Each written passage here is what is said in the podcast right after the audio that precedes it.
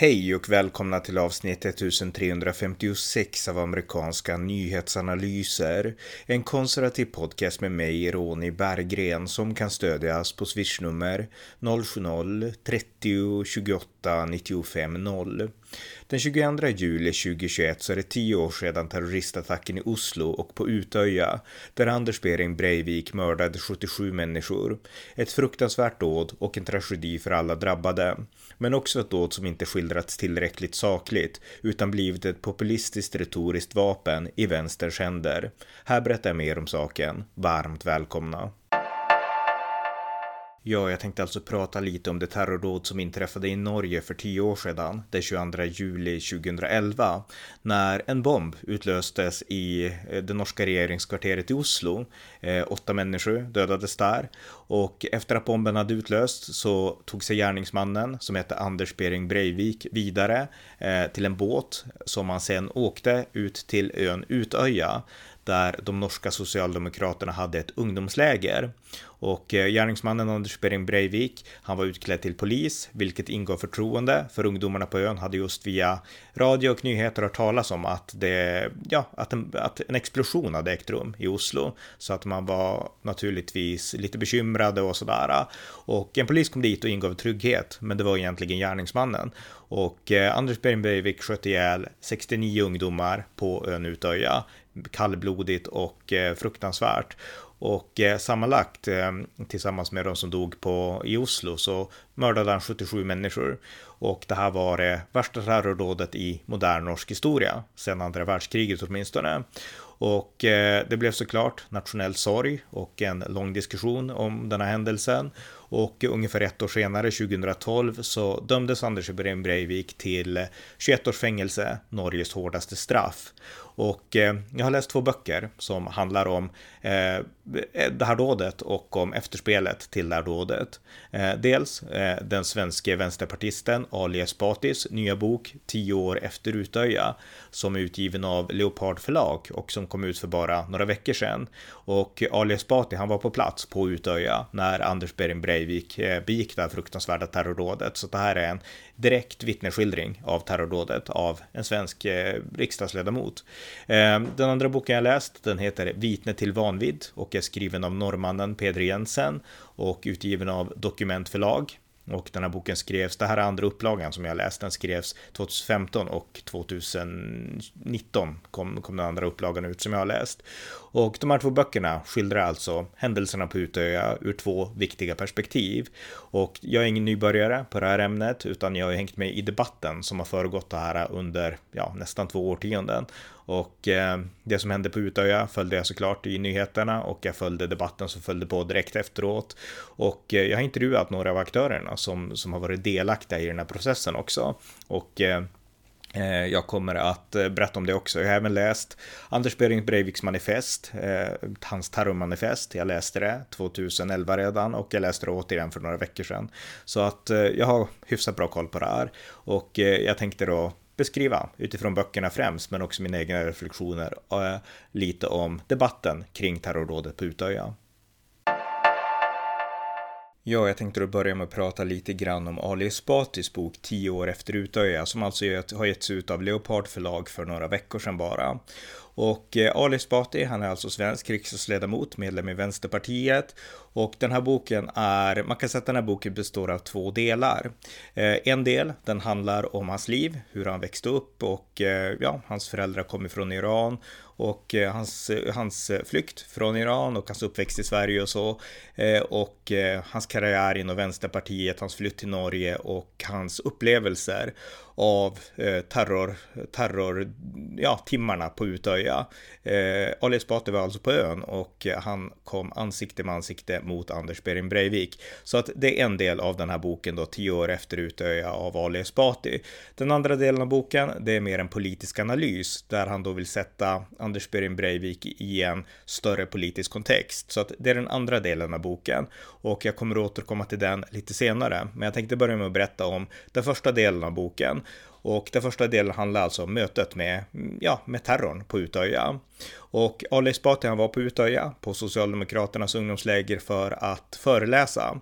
Han var ju, ja, i mitten av 30-årsåldern tror jag, så ungefär 10, ja, eh, ungefär, alltså för 10 år sedan ungefär. Och han var väl 15, 16, 17, 18 år äldre än ungdomarna som var där, så att han var ju en gamling i jämförelse då. Och han var där för att föreläsa om Eh, Eh, jag tror att det var om högerns nya retorik. Han ville då berätta för de här socialdemokratiska ungdomarna om att högern har lagt till sig en ny retorik och man måste kunna se igenom den. Jag tror att det var det han föreläste om. Och eh, det gjorde han och eh, i samband med den här föreläsningen så var det så att alla ungdomar samlades för att få information. Och den information som gavs det var att det har sprängts eller det har exploderat någonting in i Oslo och man ville informera de här politiskt intresserade ungdomarna om det. Och det uppstod viss oro, men inte liksom någon överdriven rädsla eller så. En explosion hade kunnat vara vad som helst, liksom en olycka förmodligen. Eh, så ryktades det om att det kom en polis till ön och eh, så började det också gå rykten om att det började skjuta. Och det här var någonting som inte riktigt gick in i Ali Esbati, alltså det, det kändes inte troligt och inte verkligt.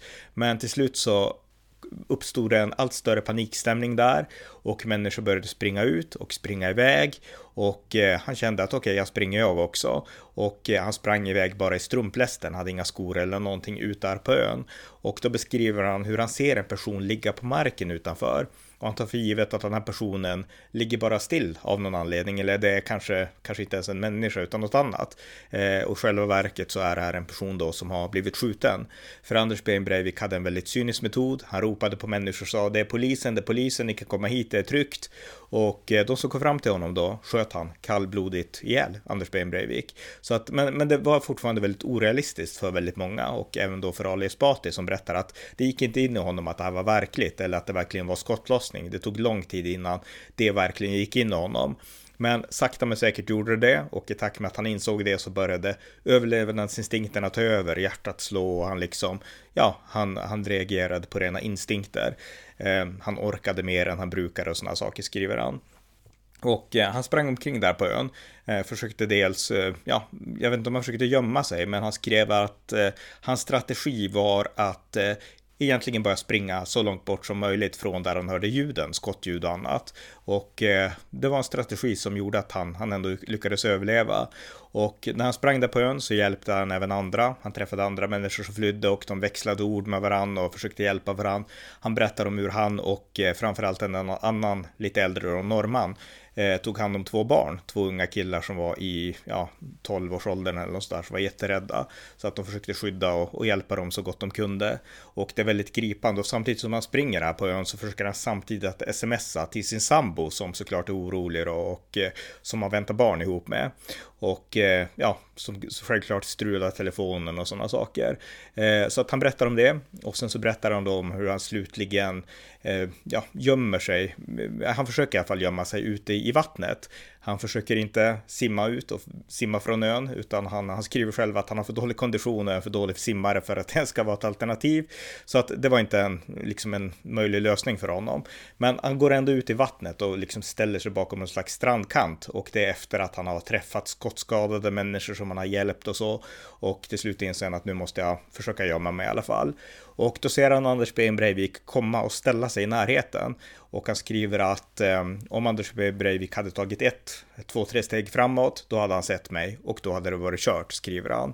Så att han beskriver verkligen hur han upplevde den här liksom terror ja, de här terrortimmarna där på Utöja. Och han skriver också att han har inte patent på storyn utan det här var fragment, alltså han var, alla sprang och det var kaos helt enkelt. Och alla har sina egna berättelser, så alla får lägga sina pusselbitar och sen får man försöka teckna en helhetsbild. Och det han gör med sin bok det är att liksom lägga fram sin pusselbit av sina upplevelser på Utöja. Så att den delen av boken är väldigt bra och eh, jag tycker att eh, det här är verkligen en, ja, en stark eh, vittnesskildring av terrorn där på Utöja. Och eh, jag vet inte om det var några fler svenskar där. Det var en svensk som fotograferade. Det finns ett ikoniskt foto på, eh, jag tror att det är räddningsinsatsen där när polisen kom sen som en svensk har tagit. Men jag vet inte om det var några fler svenskar som upplevde terrorn på Utöja mer än Ali Esbati då. Så att en väldigt stark svensk skildring av det som hände där. Och han skriver också lite grann om efterspelet, alltså när räddningsbåtarna väl kom och polisen kom och Anders Breivik, eh, som, ja, när han trots allt kapitulerade, för han gjorde inget motstånd mot polisen, utan han kapitulerade och vart frihetsberövad. Och eh, när då de som var skadade och chockade och skärrade transporterades från ön så, så skriver Ali Esbati att eh, okej, okay, polisinsatsen hade inte varit perfekt, men eh, norsk sjukvård var helt i världsklass. Alla utom en av de skadade som kom in på sjukhus överlevde och de här som inte varit skadade men som var väldigt traumatiserade, de blev omhändertagna, de fick eh, eh ja, de fick, mm, de kördes till hotell som man hade liksom tagit i bruk för att ta hand om dem då.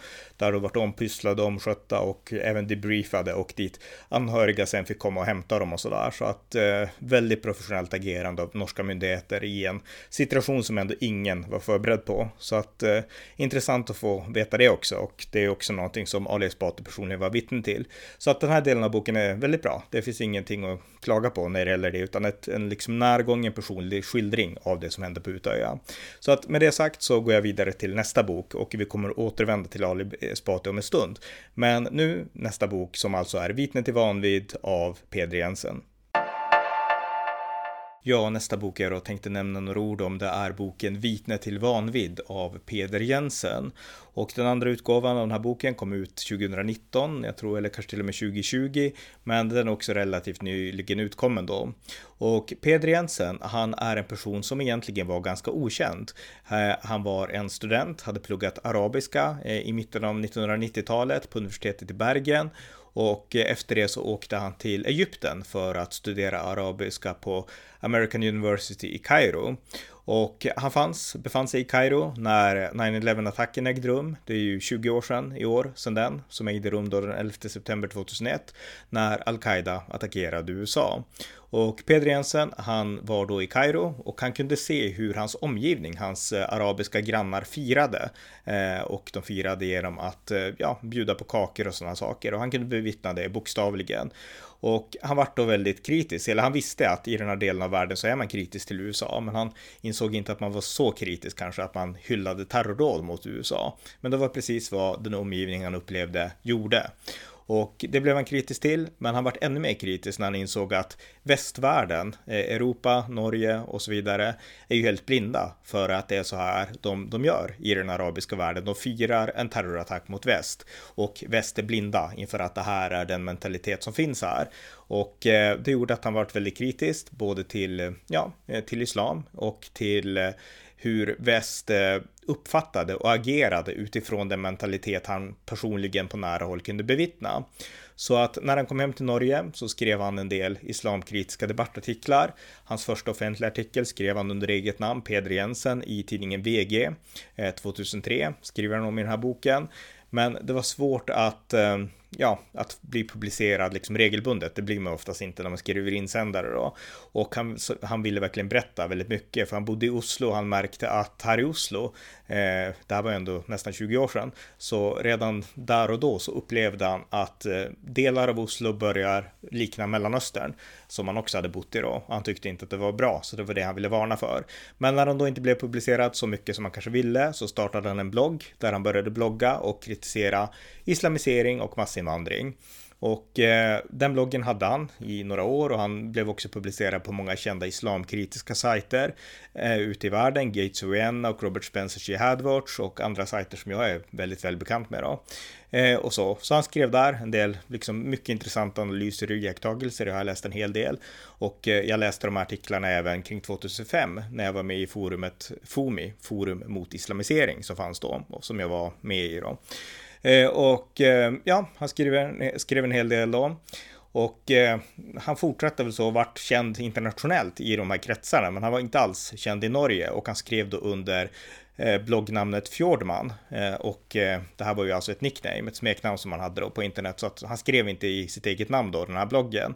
Och han förklarar att orsaken till det, det berodde på att eh, Ja, dels berodde det på att hans familj, delar av hans släkt, de höll inte med honom politiskt och han ville inte bråka med dem utan ville gärna ha en anonym identitet då. Eh, sen berodde det också på att det fanns redan då ett stigma i Norge, alltså att var man islamkritiker eller kritisk till invandring så var man rasist. Det här är ju vänsterns eviga mantra som de har ältat på under väldigt lång tid. Och eh, var man det eller om man blev stämplad som det så var det svårt att få jobb i Norge. Så det var också en orsak då till att han skrev under smeknamn. Och sen så slänger jag ut så här då att på den tiden så var det rätt vanligt. Alltså de flesta som var med i forum då, de hade nicknames, smeknamn. De skrev inte vanligt namn utan det var ju Facebook som populariserade det här med att skriva under eget namn. Eh, innan dess i de flesta forum så hade alla smeknamn, så att det var inte så där jättemärkvärdigt. Och han skriver liksom att det här hade inget med att göra med att jag skämdes för mitt budskap eller så, utan det var bara av rent liksom praktiska skäl att det var ett svårt klimat i Norge, att eh, ja, man fick alldeles för mycket kritik när man liksom skrev om sådana saker och vart stämplad som en otäck person ungefär, skrev Jensen. Så att det var orsaken till att han använde namnet Fjordman. Och eh, ja, han bloggade på islamkritiskt och kritiskt till massinvandring. Han skrev inga jätteextrema saker, eller han gjorde inte det, jag har läst de sakerna. Eh, utan det mest han skrev extrema, om man säger så, som han skrev, berättar han, det var att dels så förespråkar han efter ett terroristdåd att man skulle separera muslimer från andra, alltså leva separat. Och det här är ju Europas historiska syn eh, på islamvärlden och det är också den syn som man har i kristna i Mellanöstern har den synen också. De vill ha egna liksom, eh, ställen där de kan leva i fred utan muslimer. Därför att när muslimer blir en majoritet så förtrycker de de kristna. Det här är liksom vederhäftig kunskap. Jag har träffat präster från Mellanöstern som har berättat de här historierna för mig personligen, så att jag vet att det är så. Så att just den saken är inte sådär superkontroversiell om det sätts i rätt kontext. Rycks den ur sin kontext, då kan man få lite vad som helst, liksom att man vill bygga burar åt varandra och sådana saker då. Men det var inte det jag menade och så, men det var en av de här sakerna som man skrev. Och och sådär. Så att eh, ungefär så, en, en liksom islamkritiker och en massinvandringskritiker. Men sen så kom då terrorn på Utöja, Anders B Breivik den 22 juli 2011. Och innan Breivik hade utfört sitt dåd så hade Breivik också släppt ett långt manifest, ett manifest på 1500 sidor. Och eh, det manifestet, det var eh, ett eh, ett manifest som hette 2083, A European Declaration, heter den, eh, of Independence, A European Declaration of Independence eh, 2083. Och eh, A European Declaration of Independence var också namnet på en artikel som Fjordman, Peder Jensen, hade skrivit. Så Anders Behn Breivik, terroristen, citerar alltså Peder Jensen i, i sitt eget terrormanifest. Och det har han gjort alltså helt utan Peder Jensens tillstånd eller något sånt där. Men han har gjort det i alla fall. Och inte nog med det, eh, Anders Breivik har också eh, citerat hela artiklar, alltså klistrat in, kopierat och klistrat in många av Peder Jensens artiklar direkt i första delen av sitt manifest. Och Anders Breivik säger också att han ser upp till Fjordman och att Fjordman är en inspiration och liknande. Och eh, ja, eh, Anders Breivik klistrade fast sig själv i Fjordman väldigt mycket med Peder Jensen då. Och där gjorde helt enkelt att efter Utöja, när man började gräva i liksom vem Anders Breivik var och man började läsa hans manifest så fick man upp ögonen för Fjordman. Och det var många fler som Breivik citerade och hänvisade till, även alltså andra islamkritiker som Robert Spencer och liknande. Men av de norrmän som Breivik hänvisar till så är Fjordman den som hänvisas till mest. Och pressen drog då, drog då den förvisso kanske lite naturliga slutsatsen att den här Fjordman, han måste vara en skum person, en anonym person som eh, Breivik citerar friskt och mycket ofta. Det måste vara en skum och farlig person. Och Eh, Eh, ja, eh, det var den enkla slutsatsen och på ett sätt kanske också en logisk slutsats eftersom han nu är citerad i Breiviks manifest ganska ofta. Och man började gräva fram, vem är Fjordman? Och Peder Jensen insåg ju att eh, först var han helt chockad när det framkom att den här massmördaren från Utöja hade citerat honom så att han sa att han var i chock i några dagar. Men sen när han hade börjat samlat sig så insåg han att jag måste gå ut och berätta att det är jag som är Fjordman.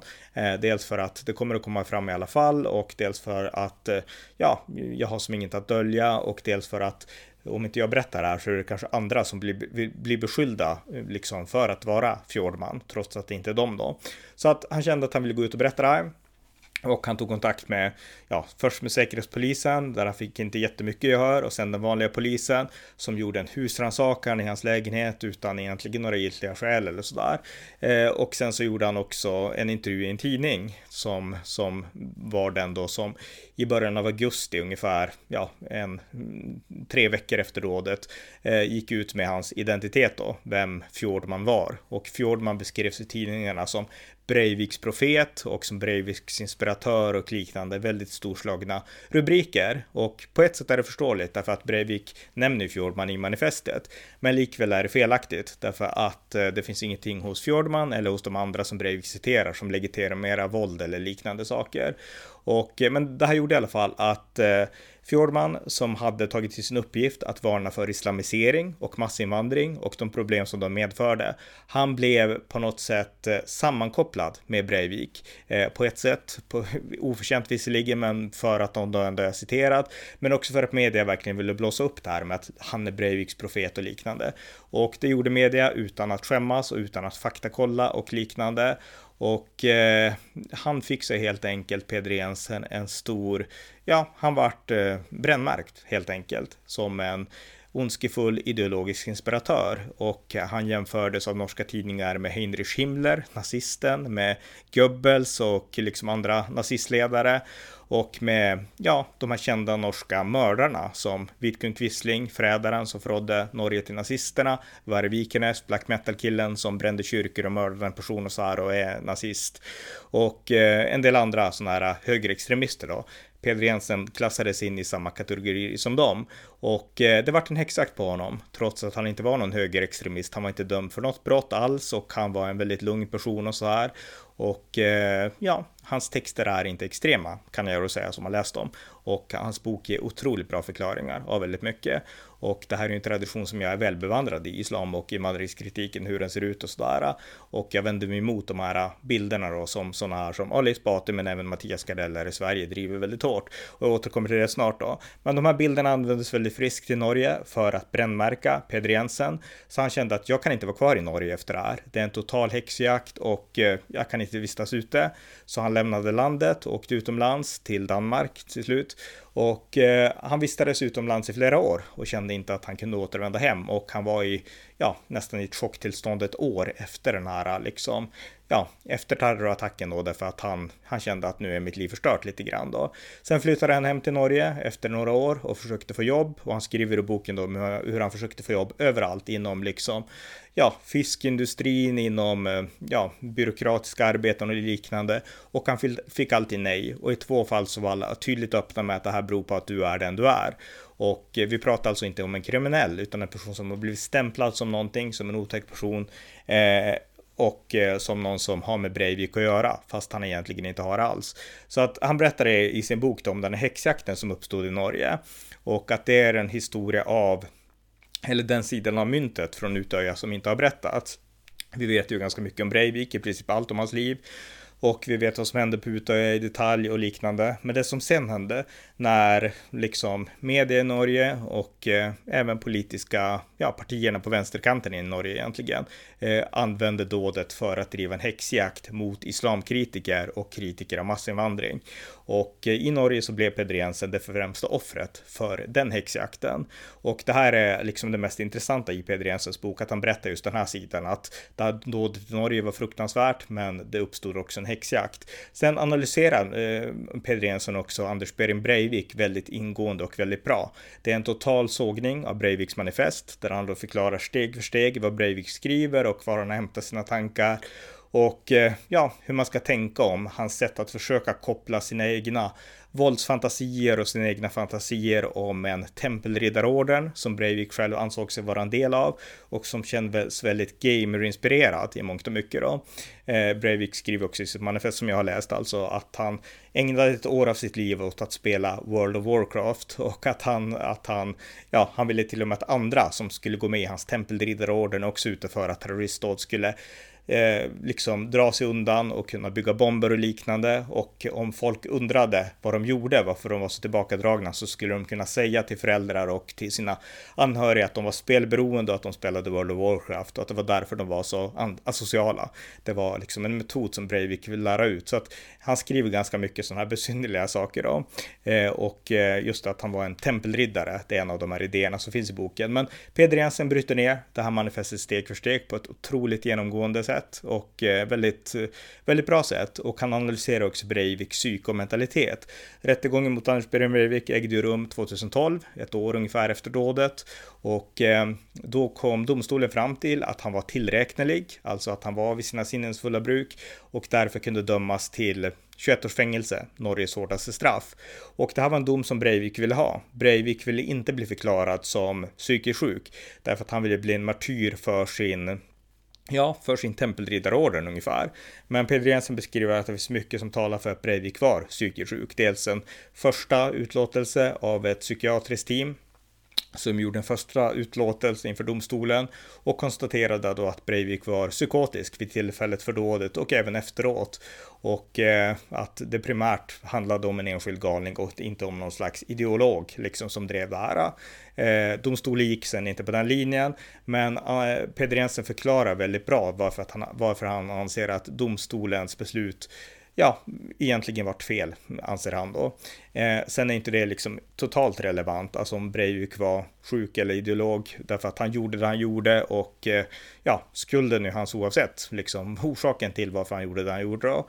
Så att, men vad Peder Jensen vill göra, det är lite grann att då förklara att det här verkligen rör sig om en enskild person och inte om ett stort nätverk eller en stor ideologisk grej då. Därför att vänstern vill motsatt sätt, de vill liksom spinna det här till en stor ideologisk krigföring mot ja, mot eh, socialister och mot muslimer och liknande och att det finns ett stort högerextremt nätverk som man nu måste konfrontera och att Breivik var kulmen av det. Och Peder Jensen menar att det finns inte. Visst, det finns islamkritiker, han själv är en sån, men han är inte del av något stort islamofobiskt hatnätverk som viglar till våld eller liknande och de här tempelriddarna existerar inte och så. Så att, eh, som Breivik pratar om. Så att eh, han intar den positionen mångt och mycket i sin bok. Och det här är en väldigt intressant bok och det är en extremt välskriven bok, eh, Vittnen till vanvidd.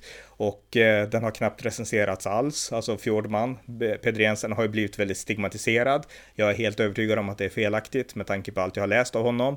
Och eh, att hans bok är ignorerad, det är helt otroligt. Därför att det här är en bra bok, eh, Vittnet till vanvid. Det är en bra bok om vad vi förstår. Det här är liksom politiska klimatet som uppstod i Norge efter 22 juli 2011. Och det är en bra bok om man vill bryta ner Anders Ben Breivik och verkligen inse i detalj vad det här var för slags person. Det är en otroligt bra genomgång som Peder Jensen gör då, så att den boken jag rekommenderar. Men det var lite om Peder Jensens bok då och den styrkan, den stora nyheten i boken då, det är att han berättar om häxjakten som uppstod på eh, mot islamkritiker och kritiker av massinvandring. Och med det sagt så ska vi återvända igen till Ali Esbatis bok. Ja, det var så lite om Peder Jensens bok om häxjakten som uppstod efter den 22 juli 2011 mot eh, islamkritiker och kritiker av massinvandring. Och den här häxjakten är någonting som även Ali Esbati är en del av.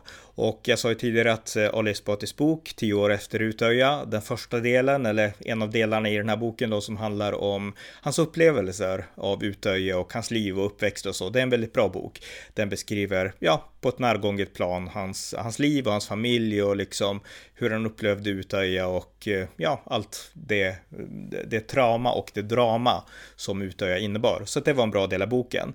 Men i den andra delen så försöker Ali Esbati använda sina upplevelser för att få legitimitet att också analysera det här dådet politiskt. Och syftet med hans bok då, tio år, ut efter, eh, tio år efter Utöja, det är att sätta Anders Behring Breivik i en större politisk kontext. Och Ali Esbati gör då så att han menar att eh, okej, okay, Anders Behring Breivik var ensam. Eh, han var den enda liksom på ön som utförde det här terrordådet och hans idéer och fantasier om en stor tempelriddarorden som trodde likadant som han, den existerar helt uppenbart inte. Men likväl, Anders Behring Breivik var en del av en politisk kontext, en eh, liksom framväxande högerextrem, nationalistisk, islamofobisk kontext. Och i den här bredare nätverket då som man menar som står bakom Anders Behn Breivik, även om inga står bakom honom aktivt, för inga som stöder våld, och det tillstår väl Ali Esbati i alla fall, lite grann i boken, men han menar att de hade ett medansvar för att de bygger upp de här hetska antimuslimska och antisocialistiska stämningarna som banade väg för Breivik. Och han menade då att Peder Jensen, alltså bloggaren Fjordman, är en av dem. Han menar att Robert Spencer, den här konservativa islamkritiska amerikanen, är en hatmånglare som också är en del av den här miljön. Och eh, Pamela Geller och alla de andra, Bruce Barr och eh, Battier och alla de här som alla som läste om sånt här för 20-15 år sedan känner till mycket väl. Eh, Så han menar att de är en del av den här islamofoba eh, ja, diskursskaparklubben då, som banade väg, åtminstone ideologiskt och retoriskt, för Anders Behring Breivik. Det är Ali Esbatis tes och när man läser hans bok så framgår det väldigt tydligt att han bygger mycket av sina slutsatser och sina ja, härledningar på Mattias Gardell. Mattias Gardell är alltså religionsprofessor i Uppsala och jag har hängt med det här väldigt länge och eh, jag har läst Mattias Gardells böcker sedan, ja, tidigt 2000-tal, sen 2001 tror jag började läsa dem. Och jag hade honom som gästföreläsare när jag pluggade i Umeå och liknande. Vi har liksom, ja, vi har mejlat med varandra och sådana saker och jag har till och med intervjuat Mattias Gardell om islamofobi. Och Mattias Gardell var också expert på, eller han är väldigt kunnig om högerextremism och så, det är ett av hans kompetensområden och eh, ja, olika identitetsrörelser och rasdiskurser och liknande. Och eh, de böckerna är väldigt bra, jag har ju läst en del av dem och 2012 så intervjuade jag också Mattias Gardell och det gjorde jag i poddavsnitt 15 från den 14 december 2012. Och jag intervjuade honom då om hans vittnesmål på rättegången mot Anders Behring Breivik. För att Mattias Gardell var på rättegången i Oslo som det enda utländska expertvittnet och en av de få sakkunniga på den här äh, miljön då som Mattias Gardell menar vara islamofobisk. Så att äh, jag kan Mattias Gardell väldigt väl och det är helt uppenbart att äh, glasklart att Ali Esbati bygger mycket av sina idéer och sina slutsatser på Mattias Gardell. Eh, men Mattias Gardell har fel när det gäller analysen av de här ämnena. Eh, jag kan Mattias Gardells argument, jag har läst hans böcker och jag har sett massa föreläsningar och lyssnat på hela hans föredrag som han höll på den här rättegången mot Anders Ben Breivik. Och eh, ja, jag har också läst det mesta av Robert Spencer och av de här amerikanska islamkritikerna och väldigt mycket av Fjordman, inklusive hans senaste bok då. Och eh, Mattias Gardell målar handgubbar av de här. Och det tog jag också upp med Mattias Gardell när jag intervjuade honom 2012. Alltså han målar upp halmgubbar av de här galna, lite farliga, konstiga högerkonservativa amerikanerna som jag är väldigt hämtad med. Jag känner Robert Spencer till exempel. Och eh, Gardell målar halmgubbar av dem och eh, målar upp dem som hetska och hatande och som hatmånglare, det ord som Alice Esbati använder i sin bok. Och de är inte det. Det vet man när man läser dem, det vet man när man har kontakt med dem och samtalar med dem och så. Eh, att de hatar inte muslimer och det handlar inte alls om någon slags högerextremism, utan det handlar om kritik mot islam och det man anser att islam har gjort historiskt och inneburit historiskt. Och det är en kritik mot massinvandring också då. Och eh, liksom Mattias Gardell målar halmgubbar och det är en av mina liksom kritiska ståndpunkter mot Mattias Gardell. Och Ali Esbati målar samma halmgubbar i sin bok. Han utgår från att de som läser hans bok, de läser inte Robert Spencer utan de ska tro på de halmgubbar som han målar. Och en metod som Gardell använder väldigt ofta är att han, han avfärdar människor genom att visa att han kan förklara hur de tänker. Det är en väldigt klassisk metod som många vänsterförfattare använder. Jag menar, jag pluggade på Umeå universitet i slutet av 90-talet och början av 2000-talet och man läste väldigt mycket av Ordfront, de böckerna som gavs ut där på den tiden och de har alla de här liksom, deras sätt att avfärda eh, meningsmotståndare på högersidan, det är att förklara för sina läsare hur de här på högersidan tänker. Och då genom att kunna förklara det så kan man om man tiltar det lite grann också bygga den här halmnidbilden i läsarnas sinnen. Och det är en metod som Mattias Gardell väldigt ofta använder.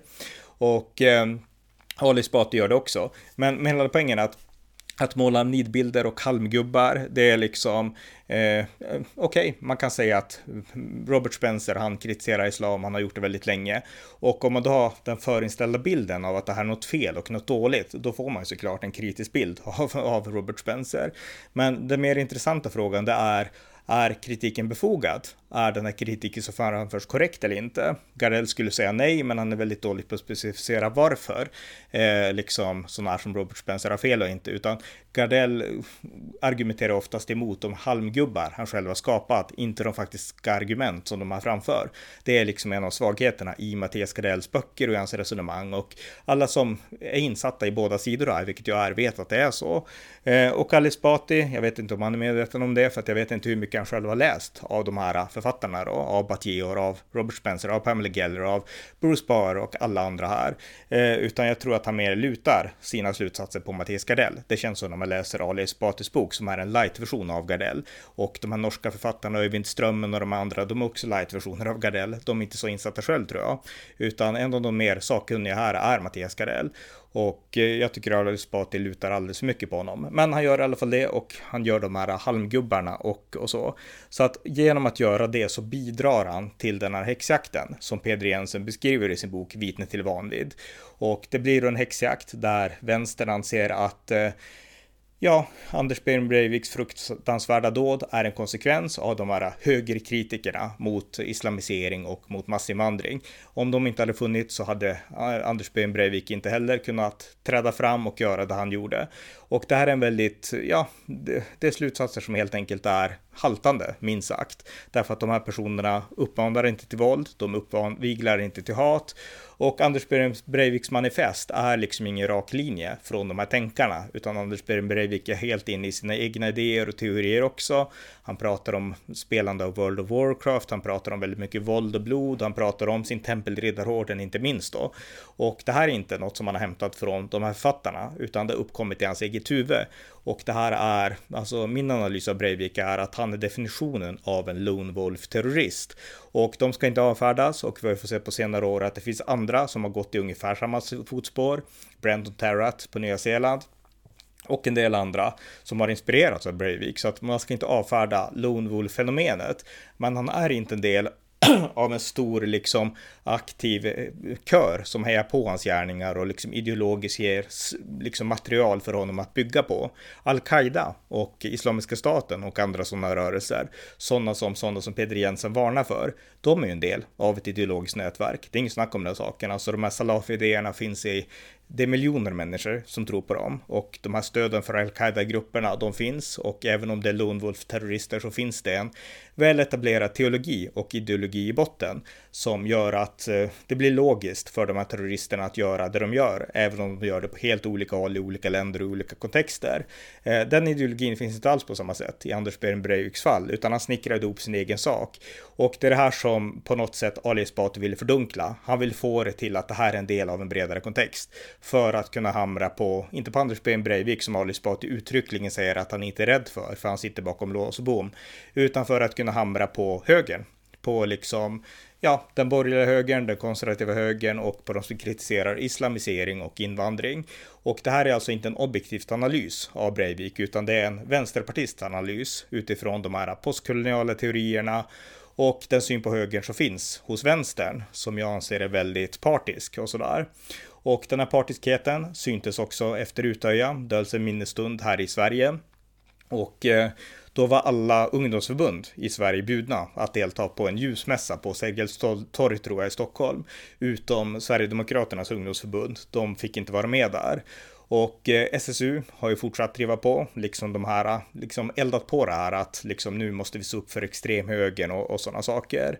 Och eh, det råder inga tvivel idag om att eh, Socialdemokraterna och vänstern och, och så vill använda Utöja som ett retoriskt slagträ i den politiska debatten för att på felaktiga grunder hamra på höger. Därför att det går att vara kritisk till islamisering och till ja, arabisering och sådana saker utan att vara rasist och utan att vara främlingsfientlig. Utan det går bara att iaktta att nu får vi problem i olika stadsdelar och de här problemen beror i grund och botten på att det är två skilda kulturer som hamnar i clash med varandra. En kultur där människor har en viss kvinnosyn och en annan kultur där människor har en annan, till exempel. Och eh, jag kan ju vänsters argument, så de menar ju att det är också rasism att säga så. Men jag tror de flesta som lyssnar på den här podden anser inte det, utan de anser att man kan kritisera de här sakerna utan att vara rasist och utan att vara främlingsfientlig. Och definitivt utan att bana väg för sådana som Anders Behring Breivik. Så att eh, två böcker helt enkelt. Och eh, det, här, det här är liksom de slutsatser som Ali Esbati drar, men jag anser att eh, ja, han drar fel slutsatser. Och Peder Jensens bok Vitnet till vanvid är mycket mer, ja, dels är den mycket djupare intellektuellt än Ali Esbati. Ali Esbati är ju egentligen bara en berättelse om han själv och sen så en som, som är väldigt bra. Och sen så en politisk analys som inte är så där djuplodande. Alltså det märks att Ali Esbati har inte läst jättemånga böcker om de här ämnena. Det, det märks när man läser hans bok. Men att Peder Jensen har läst massvis av böcker och jag har läst massvis av böcker och sådana saker, inklusive vänsterböckerna bör sägas. Så att, eh, ja, vad ska man säga för någonting? Eh, Ali Esbati har ju en plattform och eh, hans vittnesmål är värt att lyssna på och det är viktigt att dra lärdomar om och efter Utöja. Men det gäller att dra rätt, rätt lärdomar och vänstern bör inte kunna använda det här terrorrådet som ett slagträ för att slå mot högern. Och det är lite av det som är min poäng med den här podden då. Och nu har jag surrat på lite grann, men eh, ja, eh, det, det är det jag vill säga om Ali Esbatis bok och jag ska sammanfatta några tankar till också strax. Ja, då har ni fått höra mina jämförelser mellan två böcker som handlar om Utöja. Dels vänsterpartisten Ali Esbatis bok 10 år efter Utöja och dels den islamkritiske bloggaren Fjormans bok Vitne till vanvidd. Och som sagt, jag tycker att Fjormans bok är utmärkt, en väldigt bra bok som jag rekommenderar för alla att läsa. Ali Esbatis bok är inte lika bra i sin analys, men däremot så är det en stark personskildring av det fruktansvärda som hände på Utöja. Så att jag rekommenderar egentligen att man läser båda böckerna, för båda böckerna är läsvärda. Men den politiska analysen är utan tvekan mycket starkare och mer korrekt hos Fjordman, säger jag som ändå är insatt. Och jag är också partisk bör sägas, men jag kan ämnet väldigt bra. Eh, det jag vill avrunda med lite grann, det har att göra med vänstern, därför att jag anser att eh, vänstern har problem när det kommer till det här. Alltså jag minns ju debattklimatet hur det gick eh, långt innan Utöja. Jag har hängt med i den här debatten sen den 11 september 2001 egentligen när al-Qaida attackerade USA. Och under lång tid så pratades det om islamisk terrorism och det gjordes för att islamisk terrorism var ett faktum. Men vänstern försökte hela tiden avstyra liksom diskussionerna om islamisk terrorism. Man vill få det att framstå som islamofobi och som islamofobiskt och rasistiskt och liknande. Eh, och det var många i, i, på vänsterkanten som höll på så, inte bara Mattias Gardell utan vi har även Andreas Malm som skrev boken Hatet mot muslimer kring 2006 eller något sånt där. Och den boken hänvisar Ali Esbati också till. Eh, Andreas Malm, han hade en kompis för länge sedan som hette Edi Omar, Mohammed Omar, som ni känner till, som brukar podda med mig rätt ofta i den här podden. Och han var muslim och han var en muslimsk extremist tills han slutade vara det. Och Omar har berättat för mig i en av mina poddar att han demonstrerade tillsammans med Andreas Malm som höll på att ropa Allahu Akbar trots att Andreas Malm är liksom, eh, ja, ateist förmodar jag i alla fall och eh, kommunist eller grön kommunist eller något sånt där och egentligen inte tror på religion. Men han ropade så i alla fall därför att han trodde att Allahu Akbar var liksom en slags, eh, ja, någon slags check eh, vänsterslogan, ungefär som man ropar mm, Viva Eh, Viva Kuba eller något sånt där. Eh, och, och så. Så att han förstod inte den religiösa innebörden utan ansåg att det här är mer politik än liksom en religiös övertygelse. Och eh, Eddie Omar då var väldigt kritisk till Andreas Malms totala oförståelse för vilka kretsar han deltog i. Så att det är bara en intressant sidonotis där och ett exempel på att vänstern är väldigt blind för islamismens realitet och islamismens faror.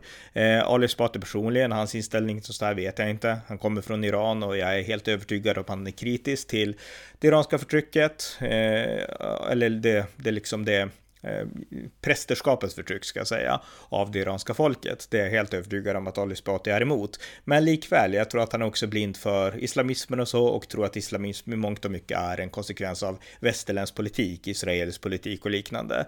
Ali Esbati har också varit en del av de här Ship to Gaza expeditionerna som Mattias Gardell också har varit en del av. Eh, så att han har säkert den synen på, på sådana konflikter att religiös extremism, islam är sådan, eh, i grund och botten är en reaktion mot västerländsk imperialism liberalism. Det brukar vara ganska vanligt bland vänsterpartister att se saken så och den syn jag inte heller delar. Men jag ville nämna Andreas Malm där. Det finns många fler exempel. Vi kan nämna Jan Guillou som höll på att prata om att eh, ja, man, man kunde jämföra terroristdåd med att halka i badkaret ungefär och att det var vanligare att halka i badkaret eller att sätta kycklingben i halsen.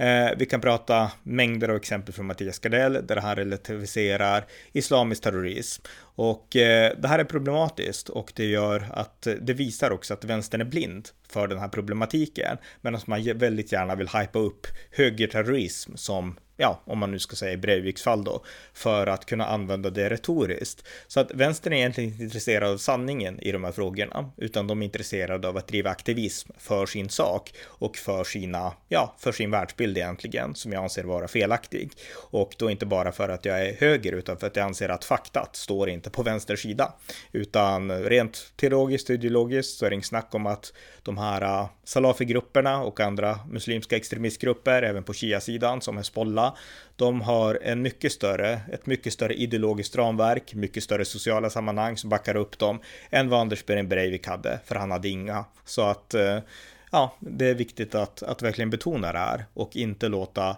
vänstern använda Utöja som ett politiskt slagträ, utan högern och vänstern, oavsett hur man ser på massinvandring eller på islamisering eller arabisering eller liknande brännande frågor, för det är de ändå. Oavsett hur man ser på dem politiskt, så länge man inte förespråkar våld eller på något sätt hatar människor eller liknande eller uppviglar mot människor och så, då bör man kunna mötas i ett demokratiskt forum utan att svartmåla varandra. Och det är här som vänstern tydligt visar att man misslyckas. Man vill måla bilden av att högern är en del av någon slags nyfascism och att man själv vill stå som väktare mot den här nya fascistiska högern. Och det är ett sätt att polarisera samhällsklimatet och göra att det blir de här hårda, liksom ett hårt samhällsklimat som jag anser inte vara bra. Utan det behövs ett mer liksom samtalsbetonat samhällsklimat där vänstern och högern kan samtala med varandra. Och eh, jag anser inte att vänstern riktigt är inne på det spåret, utan de vill mer konfrontera och slåss för sin sak. Och det är inte att vara demokratiskt ansvarstagande, utan i demokratier så samtalar man om saker och man drar en tydligare gränslinje vid våld när man då brukar våld som Anders Behn Breivik eller viglar till våld eller liknande. Där dras gränsen, men inte för att man har olika syn på sakfrågor. Och det förstår inte vänster, men jag hoppas att ni inom högern som förmodligen lyssnar på den här podden förstår det. Och det gäller även i förhållande till vänstern. Man kan prata med vänsterpartister i god ton och med liksom på vänskaplig nivå utan att hacka och hata och liksom hålla på och pajkastning, utan prata sakligt, helt enkelt en uppmaning. Det är så demokratier fungerar.